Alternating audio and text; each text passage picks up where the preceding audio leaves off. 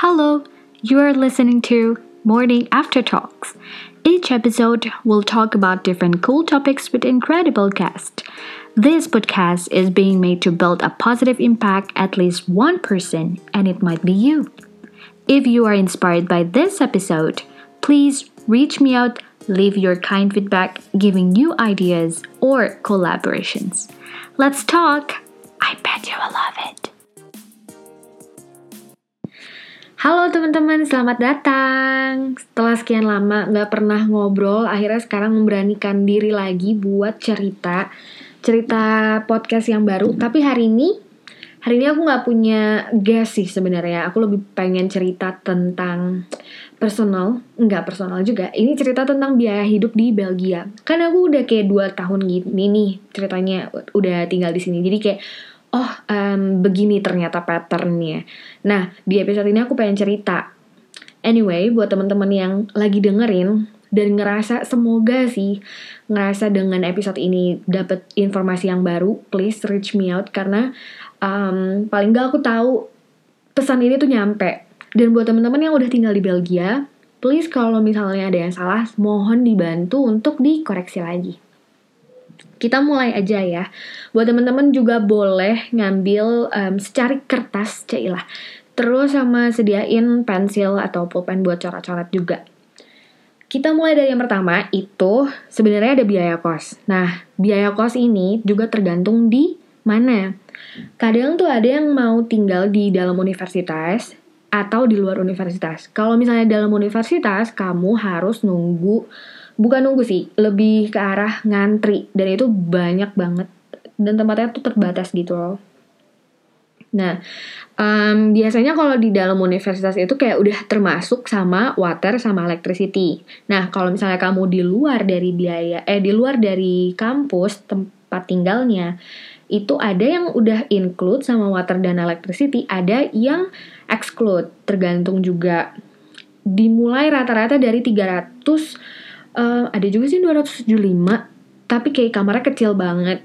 Terus habis itu tapi itu udah include semuanya jadi kamu nggak nggak usah mikir lagi.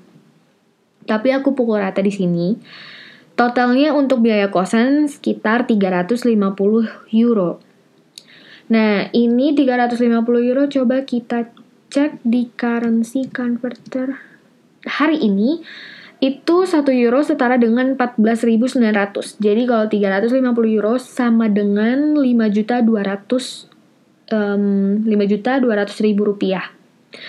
Dan dan jangan lupa juga di sini itu ada aturannya di mana kalau kamu harus ngasih deposit 2 bulan um, di awal. Dan itu kayak blok di blok account, nggak di blok account juga sih kayak kayak kamu kasih ke bapak kosannya aja udah itu baru diambil lagi setelah kontrak kamu habis. Which is kira-kira sekitar satu tahun. Oke, selesai sampai situ. Yang kedua adalah biaya groceries. Nah, biaya groceries ini juga ada tips and triknya. Pertama, kamu jangan belanja di Carrefour sih kalau menurut aku. Um, itu agak sedikit lumayan pricey. Tapi uh, ada juga tempat-tempat yang lain yang lebih banyak ngasih harga-harga yang terjangkau. Terus Asian supermarket itu juga terkenal mahal. Um, jadi apa ya? Cara menurut aku cara ngiritnya itu adalah water sih, air bawa dari rumah. Terus misalnya kalau misalnya kamu suka kopi, ya biasanya bikin dari rumah kayak gitu. Um, biayanya dalam satu bulan sekitar 140 euro dibagi 4 minggu jadi satu minggu sekitar 35 euro nah 35 euro itu Oke oke, kita coba cari lagi. 35 euro setara dengan 500 ribu. Itu udah dapet banyak banget. Beras, sayur, daging, susu, buah, jus, camilan, kopi lah, gula, kerupuk, nugget, sarden. Apa aja sih sebenarnya udah dapet. Nah, cara ngiritnya itu juga menurut aku um, bikin meal plan dalam satu minggu itu kamu mau makan apa. Kalau misalnya um, cara biasanya gini ingredientnya itu kurang lebih sama cuman dicampur aja dikasih variasi yang lain dalam satu minggu itu. Jadi dalam satu minggu itu kayak bener-bener habis gitu. Misalnya kamu butuh telur dalam satu minggu ya udah telurnya digonta-ganti aja sebenarnya buat dikasih variasi. Tapi paling nggak kamu udah tahu oh apa sih yang yang butuh uh, sayuran? Misalnya butuh kembang kol berarti um, besok-besok mungkin pakainya uh, apa ya terong misalnya kayak gitu. Terus lanjut lagi misalnya apa ya mushroom gitu. Cuman ingredientsnya kayak mungkin pakai bawang entah itu pakai keju itunya yang sama gitu Terus habis itu lagi nomor tiga um, tentang transport. Transportnya kebagi dua, ada train sama bus. Itu pun juga kebagi dua lagi tergantung dari usia kamu. Kalau kamu usianya di bawah 26 tahun, kamu dapat diskon dari kampus sebesar 50%. Dan untuk itu untuk train dan busnya juga 20 euro per tahun. Terus untuk kamu yang udah di atas 26 tahun itu juga bisa dapat fasilitas reimbursement dari insurance. Tapi kayak kamu harus apply dulu bahwa um, apa ya kayak kamu butuh fasilitas reimbursement itu gitu. Nah biasanya aku transport tergantung nih acara dan agenda kamu dalam satu bulan itu ke mana. Tapi rata-rata sekitar 50 euro itu udah cukup. 50 euro anyway adalah sekitar 749 ribu ya 750 ribu lah sebulan. Terus insurance. Insurance ini um, biayanya 88 euro per tahun karena student. Dan itu pun juga bisa dibayar tiga kali.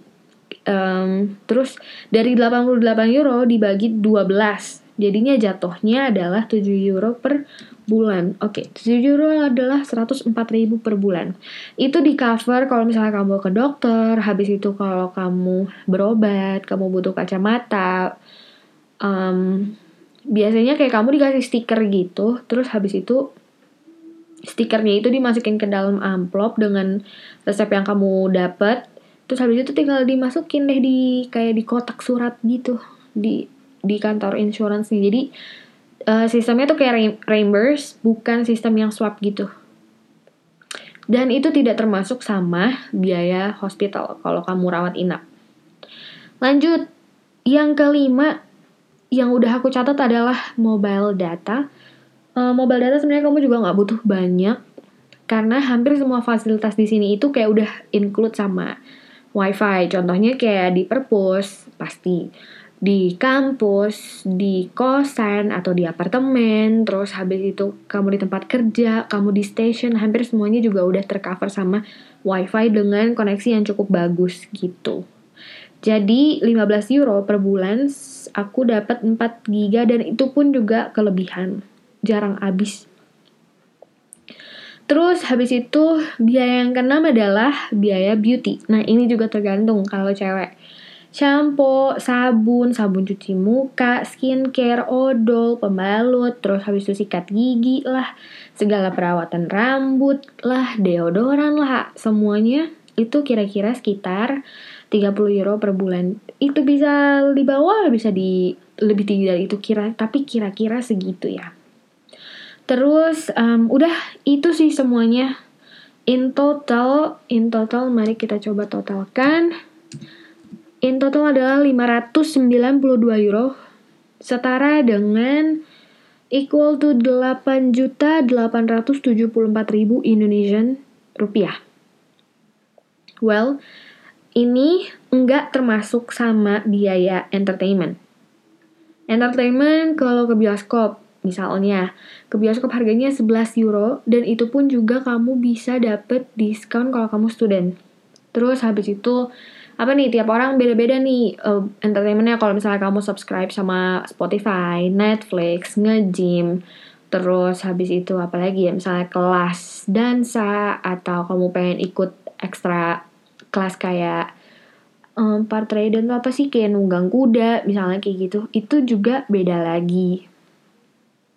Terus kalau misalnya kamu mau beli clothing, beli-beli baju-baju gitu biasanya kalau nggak bulan Januari karena itu winter sale atau pas bulan Juni karena summer sale. Biasanya di situ di seluruh Belgia tuh hampir um, 50 sampai 70 70% diskonnya dan itu semua barang kayak gitu.